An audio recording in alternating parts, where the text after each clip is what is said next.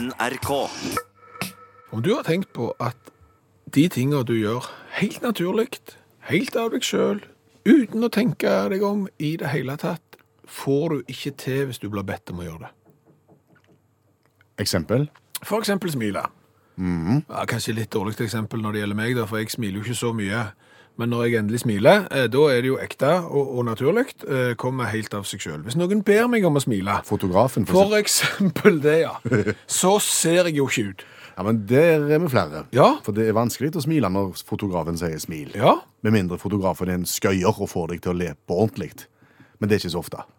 Når jeg går ned i, i vitsebok og finner den samme standardvitsen med gjerne et fiffig ordspill som han har brukt eh, hver eneste gang Nei. Nei, det er ikke vanlig, men, men det er jo det. Og for eksempel å gå. Samme fenomen. Ja, ja, ja. Altså, du, du, du går uten å tenke deg om. Ja. Helt naturlig. Du kan gå. og, og hvis du går, så ser det ut som Per Øystein Kvinnesland som går. Jeg har sett deg gå, jeg. Du kan det. Du er ikke verst å gå. Nei, takk Men hvis jeg hadde bedt deg om å gå Det ser litt rart ut med en gang. Har du for vane å be folk om å gå? Ikke nå lenger, men jeg er jo uh, utdanna fotograf, TV-fotograf. Ja. Så hender det jo at du blir sendt ut på oppdrag der du må lage fjernsyn av noe som ikke burde vært fjernsyn. Fordi det er, det er ikke billedmateriale i det. Ja, det skjer gjerne i en fylkeskommune, for eksempel. Eh, Eller du skal treffe en politiker. Eh, Da er det litt tynt med bilder, så da må du finne på noe, og da er det ofte gåing. Ja, det er da du ber de om å gå. Ja, og, og da har gjerne vedkommende kommet ut døra og hilst på, og hei og velkommen, og ja, vi skal lage en sak og diskutere den, og de har gått helt vanlig, sånn som de kan, uten at det ser noe rart ut. Og så ber du de da om å gå. Kan du komme ut den døra der, så filmer jeg, for jeg trenger noen bilder til denne reportasjen. Når de da skal gå, så ser det ut som de aldri har gått før. Det ser ut som er passgjengere alle sammen. De kan ikke gå på kommando. Nei. Da blir det ikke naturlig lenger. Så det er jo helt rart. Det er vel det samme som når du bare skal for eksempel filme i en familie eller et eller annet og sier bare oppfør dere sånn som dere pleier. Ja, det, det, det er det. Bare lat som om vi ikke er her. Vi er bare flua på veggen. Bare oppfør dere helt som vanlig. Ja. Og da begynner folk å snakke veldig tydelig og slikt. Eh, skal jeg sende deg en kopp kaffe? Og de blir passgjengere, de òg. Ja. Så det å være seg sjøl når du blir bedt om å være deg sjøl, det er søren ikke lett. Nei. Går det an å hive inn en brannfakkel i dette? Brannfakler er fint. Ja, eh, hvis vi overfører den kunnskapen som du har opparbeidet deg rundt dette her, Ja, det er veldig viktig kunnskap. ja, til folk som eh, lager reklamefilm. For det er veldig populært blant folk som lager reklamefilm, å bruke kjendiser inn i andre hva skulle du si, settinger enn de kjendisene vanligvis liker å være i. Ja. Eksempel hvis du har uh, langrennsløperjenter som er fryktelig flinke til å gå på ski. Når de skal på en måte sitte på et svaberg og synge eller kaste litt frukt til hverandre sånn helt naturlig. ja, det burde de ikke gjøre. Det burde de ikke gjort, Nei. for da skjer det samme. Ja, altså, de har jo sikkert kasta frukt Ja. før. Men Naturlig. Mhm. Men med en gang kameraet er der, og du får beskjed om at du skal kaste frukt så naturlig som du bare klarer, så, så får de det ikke til. Nei. Da ser det helt hitten deg ut. Om du tror at de som lager reklame, vet det, og at det ser litt tittentei ut, og så vil de bare ha oss til å si 'hjelpe meg, det ser tittentei ut', og så snakker vi om reklamen, og så virker den allikevel? Eller tror du at, tror du at de syns dette var bra? Her var de naturlige. Her var de helt naturlige. Jeg tror inni sitt eget hode så tenker de det her var søren ikke bra, men de der kjendisene de stiller ikke gratis. Der har vi betalt såpass mye penger for at nå får vi bare bruke det enten vi vil eller ei. Jeg vaskte ullgenser i helga. Ble han liten? Nei, nei, det har jeg, det har jeg gjort før, ja. Ja, eh, da har jeg vasket ullplagg, ja, på litt, eh, det har smøget seg inn i et ullplagg på litt for høy På 60 pluss? Ja, da, da ble han liten. Det var veldig, veldig Ja, ja. nei, nei, det var ikke det. Men, men det som fascinerte meg litt da, det er jo at du har en ullgenser. Ja. Den vasker du jo fordi at den ikke er rein. Eh, kanskje fordi at han lukter litt vondt. Eh, så tenker du nå er det på tide å vaske den ullgenseren, så vasker du den. Så har du oppi litt Milo, kanskje? Ja, det har jeg hørt er, litt oppskrytt. Ja vel. Altså, at du trenger ikke spesialvaskemiddel for ull, men, men det er så. Eh, Men jeg vasket den. Vanlig vaskepulver, tar du, den ut, da er den jo i prinsippet rene. Yes. men da lukter den jo mye verre enn den gjorde når du stappet den inn. Ja, våte ullgenser lukter skit. Ja, Ja, han lukter ikke såpe, han lukter ikke rent, han lukter bare vondt. han lukter vondt. Ja. Og, og så henger du den til tørk, for det har jeg òg lært, at du skal ikke hive ullplagg i tørketrommelen. Det liker de heller ikke. Så dermed så henger du jo den til tørk. Og det lukter jo Ei stund. en god stund, og det lukter jo så stramt. Du har et rent plagg, og, og det eneste forskjellen på det plagget fra når det ikke lukter, det er at det er vått, og, og vann lukter jo ikke. Nei. Så det er jo som om liksom, jeg skulle helle vann på pulten her nå, foran oss, og så begynte det å stinke. Nei, nei, det er jo ulla som gjør det, for det skjer jo ikke med olabuksa, for eksempel. Nei, det Som med dongeri, og det skjer ikke med bevernylon heller. Bevernylon lukter, lukter veldig sjelden, hverken når det er tørt eller eh, Men våte ull. Ja. Ja. Og så måtte jeg jo prøve å finne ut av hva er det som skjer. Eh, Da våkna jo journalisten i meg. Du er fotograf, det har du sagt for ti minutter siden. Ja, OK, men, men jeg måtte prøve å finne ut av det. Og det kan godt hende jeg er dårlig å søke på internett. Men det er veldig mange som lurer på det samme som meg. Men ikke svar. Men, men det er veldig få som svarer. Men, men jeg har funnet tak i en svenske Jaha. som har studert ved Halmst Halmstads universitet. Heter du Ulla? Nei, det er en han. Å. Han heter Gregor. Eh, Han eh, titulerer seg som ullspinner og tekstilforsker. Er du spinndoktor, da? Noe sånn. Ja. Og da tenker jeg, hvis du titulerer deg som ullspinner og tekstilresearcher, forsker, da har du greia på dette her. Ha- Kan han forklare hvorfor våt ull lukter? Til en viss grad. Kom an. Eh, Fordi at når ull blir vått og absorberer vann, så skjer det noen kjemiske bindinger inni ullfibrene. Ja vel. Disse kjemiske bindingene som oppstår, gjør at andre kjemiske bindinger, de brytes opp. Og da frigjøres det et molekyl inn i lufta, altså ut i lufta, som vi klarer å lukte. Oh. Og dette molekylet her, eh, det er ikke mange sånne molepy, molepyl, molekyl per eh, kubikkmeter med luft, men vi mennesker er da i stand til å kjenne denne lukta, selv om det er ganske få molekyl. OK. Men det er fuktighet og ull som gjør at disse molekylene da frigjøres og lager lukt? Noen bindinger oppstår, og når de bindingene oppstår, så brytes noen andre bindinger, frigjøres molekyl, disse molekylene går ut i lufta, og vi lukter de. OK. Og denne prosessen den avtar proporsjonalt med hvor øh, mye tørrere tøyet blir? Ja, nå spør du. Ja, Men det må jo være det. Ja, det for det slutter, det slutter jo å lukte Ja når det er tørt. ja, når det ikke er mer vann, så kan det jo ikke oppstå nye bindinger og brytes noen bindinger. Men da bare tenker jeg på det som her uh, ullspinneren og tekstilforskeren sier. At vi mennesker er sensitive for denne lukta og klarer å lukte det, selv om det er få sånne molekyl molekyler. Det er jo tydelig at sauen ikke klarer det. Altså, Den kan jo ikke være var for disse molekylene. fordi at det, hadde jeg da vært sau og kjent at det begynte å regne, og visste at i andre enden her så kom jeg til å lukte død og begravelse de nærmeste 24 timene, så hadde jeg jo sprunget og gjemt meg så godt jeg kunne fra regnet. Men istedenfor så går de der. Jeg Kjenner ingenting.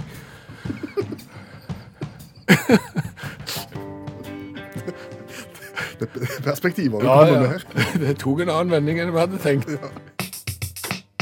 Og like sikkert som det går mot høst, så kommer han tilbake hvert eneste år. Det var en elendig sang, men det var det beste jeg kom på. Det du forsøkte å si, var at eh, Hver eneste høst så blir det nemlig delt ut Ig Nobelpris. Det er en form for nobelpris for litt rar forskning. Ja. Og like sikkert som det, så kommer vår faste tirsdagsgjest Olav Hove, allmennlæreren med to vekttall i musikk, og rapporterer fra utdelingen av årets Ignobel. Uhyre høyt nivå i år. Eh, og i år har vi òg fått den unike situasjonen at det er noen som vant for andre gang. Eh, det har ikke skjedd før. Og det er nemlig Patricia Wang og David Yu ved Georgia Institute of Technology, som vant òg i 2015 for å komme fram med uh, urineringsloven, som de kom med da. Eh, som handler om hvor lang tid et pattedyr bruker på å urinere, og som er overraskende lik tid. Så samt du ikke er mann i 60-årene og har treig prostata, så er det ca. 21 sekunder. Men i år vant de for å forske på hvorfor og hvordan wombat, det er jo et sånn australsk søvnikdyr, lager kubeforma avføring.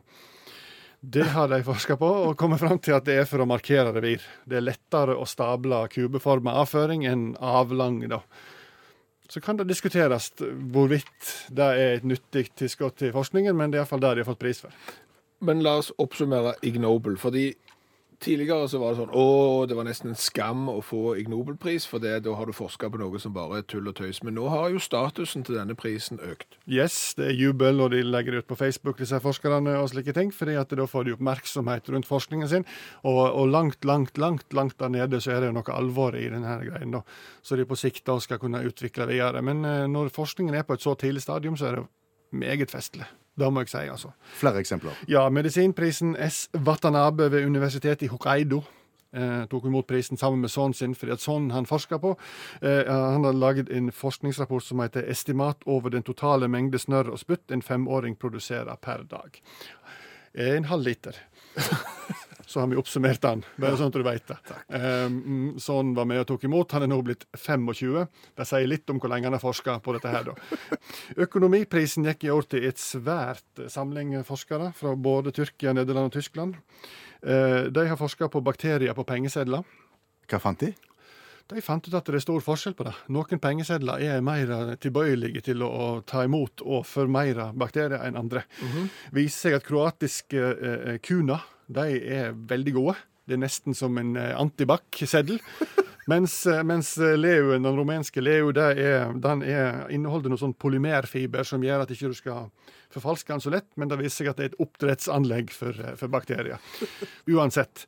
Eh, Anatomiprisen gikk til Roger Musset og Boras Bengodifa ved universitetet i Toulouse eh, for rapporten 'Termal asymmetri på den mannlige skrotum'. Eh, De har tatt tak i et mysterium som har fått altfor litt oppmerksomhet. Det er temperaturforskjellene på testiklene på menn. Har fått samla inn, eh, inn Altså internt på egen kropp, eller mellom menn? Internt, ja. ja, ja. Det er internt. De har fått tak i en mengde franske postmenn. og festa gradstokk på eh, testiklene. Ja, oui, bien sûr. Det er pas de problème. Oh, oh. Er avansert forskning, for det er vanskelig å få festa. Alle vet jo hvordan en gradestokk ser ut, og det er vanskelig å gå med. Jeg kan avsløre den venstre er varmere enn den høyre. Og det gjelder, men det gjelder helst når du har klær på deg. Uten klær så er det større utjevning, da. Um, ja, og så står det òg at, eh, at det har litt å si om det er aktiv eller passiv tilstand. Om det er postmannen som er aktiv eller passiv, eller om det er andre ting, det vet jeg ikke. Men det som jeg henger meg opp i nå, er temperaturforskjell, så er du uten klær. Ja. Er òg målt. Så da har testpersonene gått rundt med gradestokk og «Ah, Men nå vet vi. Den venstre er varmest. For de som har lurt på det. Ja, okay. Så fryser du på fingrene, så er det lurest å så stappe de ned i den venstre Nei, lommen. nei, nei. Jo, men det er jo det. Da er det jo mer varme å hente. Tusen takk, allmennlærer med to vekttall i musikk, Olav Hove. Jeg vet at du er glad i konspirasjonsteorier. Ja, jeg tror ikke på dem, men jeg elsker dem. Ja. Jeg syns det er mange gode historier der. Du har jo sågar lagd din egen. Det har jeg. Skal komme tilbake til den. Ja. Men nå tenkte jeg jeg skulle fortelle deg om eh, byen som ikke fins. Er det en by som ikke fins? Ja, ifølge en konspirasjonsteori. Eh, saken om dette står å lese på flere eh, nettaviser i Norge. Dette handler om byen Bielefeld i Tyskland. 33 mil vest for Berlin. 340 000 innbyggere. Det er mange innbyggere i en by som ikke fins. ikke sant? Og konspirasjonsteorien sier altså at denne fins ikke. Men nå har på en måte turistnæringen i Bielefeld tatt grep. Og utlover nå en dusør på 10 millioner kroner til de som kan eh, bevise denne konspirasjonsteorien.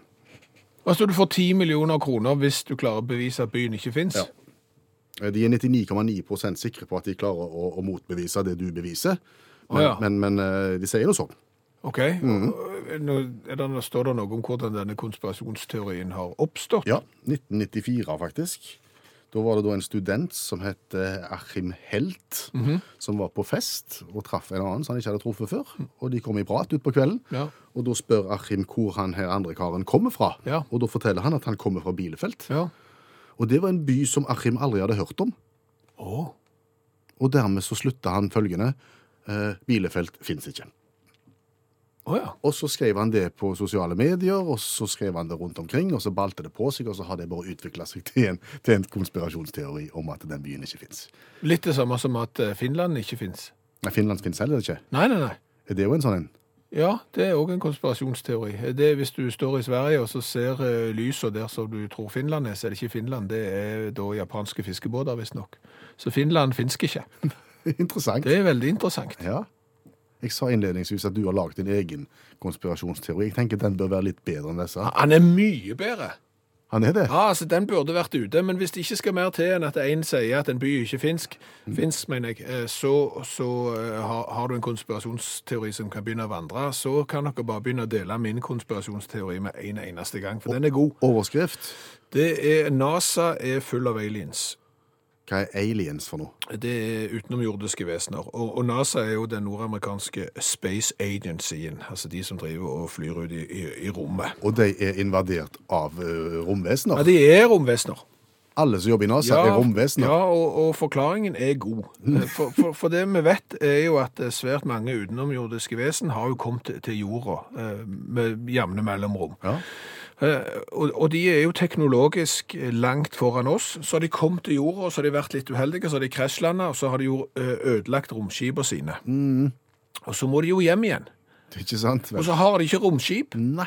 Og da må de jo lage en organisasjon som kan jobbe med dette, for de har jo bare de primitive tingene som finnes på jorda å bygge disse romskipene med. Og dermed så eh, grunnla de NASA, og så har de putla og, og øvd seg og lagt eh, romskip, og, og håper å komme hjem en gang.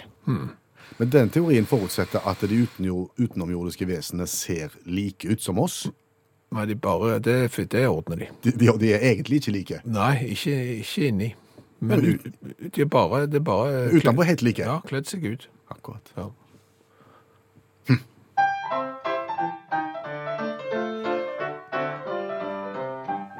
Dagens revyvise ved Skjæveland.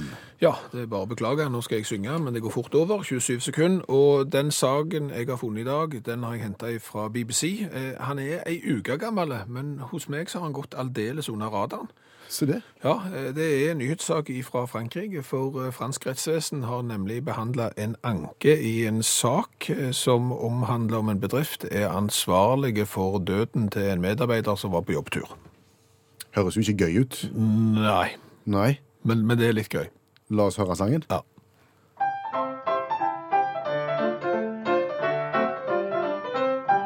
Hvem har ansvaret hvis arbeidstaker dør på arbeidstur? Det har franskretten nå bestemt av arbeidsgiver. Selv om døden inntraff liggende med aktiv tisselur over ukjent dame svettende av iver. Det er arbeidsgiver ansvar likevel. Om du horer til og tar en tidlig kveld. Nå får etterlatte pengerettens tale, den er klar. Rike minner om en veldig utro far. Ei. Ei, Ja. litt artig likevel. Eh, hvis jeg tenker meg om. Xavier, han, han, var på, han er ingeniør i et eh, fransk jernbaneselskap, var på jobbtur i Frankrike, plukte opp ei tilfeldig forbipasserende, eh, havna på soverommet, eh, drev med aktiviteter av utenomekteskapelig art, fikk da hjertestans og døde. Oi. Dette var i 2013. Så har jo denne saken da havna i rettsvesenet, fordi at når du dør på jobbreise, så er det har visstnok de etterlatt krav på erstatning. Mens dette jernbaneselskapet syns at eh, kanskje de ikke hadde det allikevel, siden han far hadde vært ute og hort seg til, eh, og fikk hjertestans da som en følge av den aktiviteten. Men Men eh, nå er saken behandla på nytt, og de etterlatte er også tilkjent erstatning, fordi at rettsvesenet mener at seksuell aktivitet på jobbreise det er helt naturlig, har ingen betydning om det er med ektefelle eller ei. Faller du om i dusjen når du er på jobbtur, så er du erstatningspliktig. Eh, Hvis du da havner i seng med en tilfeldig forbipasserende, så er du òg erstatningspliktig. Og dette er jo ikke unikt. For nå har jo jeg begravd meg i dette stoffet, og har jo funnet ut at eksempel i eh, australsk rett så er det en parallell. For der i 2012 var det ei dame som var på jobbreise, eh, havna òg til sengs med, med en som ikke var den du burde vært i senga med. En lampe faller ned fra veggen og treffer dama i ansiktet og skader henne eh, ganske mye. Hun får da senskader med at hun føler seg deprimert og sånn. Hun ble da tilkjent erstatning for skade på jobbtur. mye penger i Frankrike, den første. Ja, det, det sier historien ingenting om. Nei. Og vi kan spille en vignett som jeg har lagd sjøl. Er den lang? Ja, litt. Let's go party down Ting du lurte på, men ikke visste du lurte på. Skal du lure på en ting, i år, lurer på dette. Hvis du lurer med oss, kan du lure på to for prisen av én. Let's go party down at the beach all day. Det er veldig mye informasjon. Ja, jeg, jeg hører nå at det er, det er, det litt voldsomt mye, ja. ja. Det er det. Men det er ting du lurte på, men som du ikke visste at du lurte på. Ja, det er jo egentlig det som er essensen. Det tok bare litt lang tid å si det. Ja. Eh, for det jeg lurte på, er jo om du har lurt på eh, hva Miss Piggy i Muppet Show eh, ble kalt før hun ble Miss Piggy. Det har jeg ikke lurt på. Nei. Nei. OK. Lurer litt på det nå, kanskje. Ja, merkte du det? Jeg kjenner det på det nå, ja. Ja, du lurte litt, ja. Men Miss Piggy, Ja. det er hun.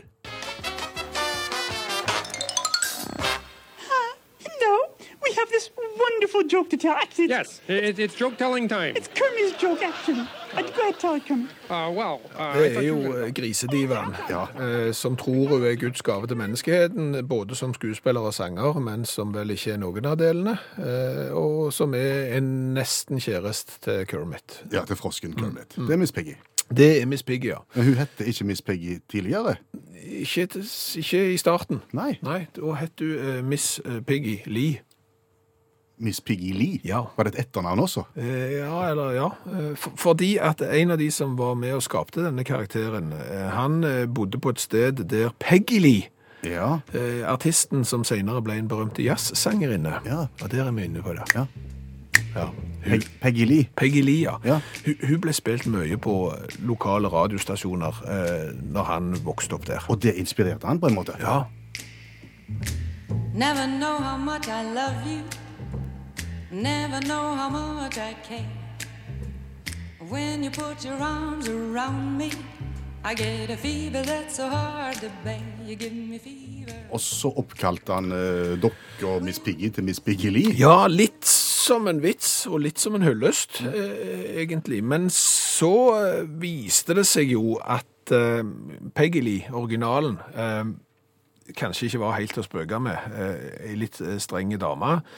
Eh, offisielt så sier vel eh, selskapet bak Muppet Show at eh, for ikke å Ja, for, fordi at de beundra Peggy Lee så mye, så kalte de grisen da bare for Miss Piggy istedenfor. Men det kan jo hende at det lå et eh, lite sånn søksmålteppe bak der. Og hun hadde en hang til å saksøke folk hun ikke likte. Ja, altså, hun har vel ifølge en biografi hatt rykte på seg for eksempel eh, for å si at den sangen har jeg skrevet, mens hun ikke hadde skrevet den, og trua med både det ene og det andre søksmålet. Så det kan jo hende at det var det som var grunnen til at de fjerna Miss Piggy Lee og bare gikk for Miss Piggy. Så Miss Piggy Lee ble bare kalt for Miss Piggy Lee i én Muppet Show-episode, nemlig episode 106. Og fra 107 utover kun Miss Piggy. Ja. Akkurat. Da har vi lært noe i dag. ja. Hva har vi lært i dag? I dag har vi lært kolossalt mye. Så bra. Ja, i dag har vi blant annet lært at ting du gjør helt naturlig, blir unaturlig når noen ber deg om å gjøre det. For eksempel å Å gå. Ja. Altså, du går helt vanlig uten å tenke deg om. Ser ut som en vanlig versjon av deg selv når du går. Hvis noen ber deg om å gå så naturlig som du kan, så blir det helt unaturlig. Eksempel en fotograf som skal filme deg når du går. Ja, eh, og da kan Helge fortelle det at eh, hvis du da havner eksempel over ei passgang, Ja. eh, når du blir bedt om å gå naturlig, eh, så kan du stoppe passgang med å bære noe i hånda. Å ja. Så det er et tips på veien. Ja, det hadde jo ikke sett tåpelig ut når du får en eller annen finanspolitiker som kommer ut av Stortinget gående med to bæreposer i hendene for å unngå passgang. Men det er greit. Eh, Så har vi lært at eh, ull lukter vondt når det er vått, Fordi fordi at det, det skjer noen kjemiske bindinger inni ullen når det blir vått, som igjen bryter noen andre bindinger inni der, som frigjør da et molekyl. Ikke mange molekyl, men noen som vi mennesker er veldig sensitive for. Og det var en svenske som har funnet ut. Ja, det er sikkert mange som har funnet det ut, men det er en svenske vi har støttet oss til her, som er både vever, eh, og han er eh, spinner, og tekstilforsker. Og vi håpet at han heter Ulrik, men det gjør han ikke. Nei, han gjør ikke dette, Gregor. Eh, Så har vi lært av noen som kaller seg for ullfan, at ull krymper ikke av temperatur. Å nei. Eh, Men det er den mekaniske behandlingen i et vanlig vaskeprogram som gjør at ullen krymper. Det er derfor det er litt mer sånn skånsomt med sånn ullvask, bare ligger og vugger frem og tilbake. Ok. Eh, Dette er Dette er stoler nybrottsarbeid for oss. vi stoler på Ulfan her. Eh, Så har vi jo lært at Bilfelt, den tyske byen med over 300 000 innbyggere, den finnes ikke. Nei, ifølge en konspirasjonsteori. Og nå har byen utlovt 10 millioner kroner til den som kan bevise denne konspirasjonsteorien, nemlig at byen ikke finnes. Hovedkvarteret til Dr. Ødker, den der svære matvaregiganten i Tyskland, mm. holder til i denne byen her, som ikke fins. Så egentlig så finnes ikke den pizzaen heller. Nei, men jeg har alltid syntes det var rart at eh, det er en doktor som skal selge meg pizza. Men ok, sånn er det. Så har jeg jo lært det at dør du på jobbreise i Frankrike mens du feier over ei dame som ikke er kona di, mm. så eh, har du krav på eh, yrkesskadeerstatning eller jobb. eh. Familien får. Ja, altså du, når du dør så har du ikke bruk for den da. Men da- da er det en jobbrelatert eh, ulykke, så, som, og det var krav på, på erstatning. Så det har vi jo lært. Og så har vi jo lært at Miss Piggy i Muppet Show først het Miss Piggy Lee. Ja, en liten stund, men så vågte en ikke det lenger. Hvorfor det? Nei, fordi at Peggy Lee, artisten som Miss Piggy Lee var oppkalt etter, hun hadde visst en hang til å saksøke folk, så da tørte de ikke lenger. Hør flere podkaster på nrk.no podkast.